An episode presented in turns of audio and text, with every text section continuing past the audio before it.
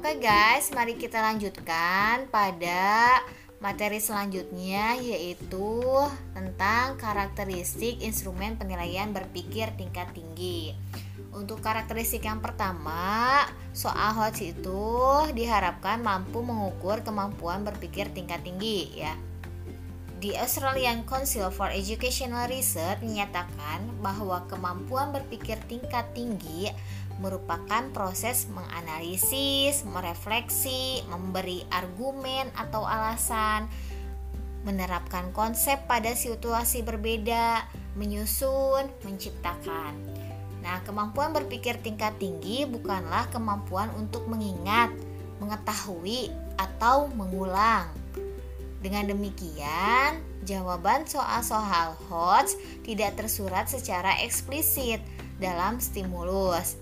Kemampuan berpikir tingkat tinggi termasuk kemampuan untuk memecahkan masalah atau problem solving, keterampilan berpikir kritis, berpikir kreatif, kemampuan berargumen, dan kemampuan mengambil keputusan. Kemampuan berpikir tingkat tinggi merupakan salah satu kompetensi penting dalam dunia modern, sehingga wajib dimiliki oleh setiap peserta didik. Kreativitas menyelesaikan permasalahan dalam host terdiri dari kemampuan menyelesaikan permasalahan yang tidak familiar, berarti soal ini merupakan soal non rutin ya. Kemudian kemampuan mengevaluasi strategi yang digunakan untuk menyelesaikan masalah dari berbagai sudut pandang yang berbeda, kemudian menemukan model-model penyelesaian baru yang berbeda dengan cara sebelumnya. Difficulty is not same as higher order thinking ya. Tingkat kesukaran dalam butir soal tidak sama dengan kemampuan berpikir tingkat tinggi.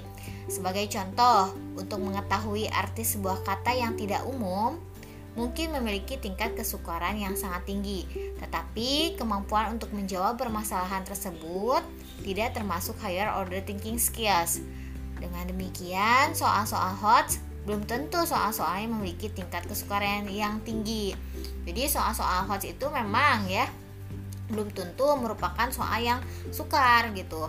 Kemampuan berpikir tingkat tinggi dapat dilatih dalam proses pembelajaran di kelas oleh karena itu, agar peserta didik memiliki kemampuan berpikir tingkat tinggi, maka proses pembelajarannya juga memberikan ruang kepada peserta didik untuk menemukan konsep pengetahuan berbasis aktivitas. Aktivitas dalam pembelajaran dapat mendorong peserta didik untuk membangun kreativitas dan berpikir kritis. Nah, kemudian ciri yang kedua itu bersifat divergen. Apa sih itu divergen? Divergen memungkinkan peserta didik memberikan jawaban berbeda-beda sesuai proses berpikir dan sudut pandang yang digunakan karena mengukur proses berpikir analisis, kritis, dan kreatif yang cenderung bersifat unik atau berbeda-beda responnya bagi setiap individu. Nah, karena bersifat divergen, instrumen penilaian host lebih mudah dirancang dalam format tugas atau pertanyaan terbuka.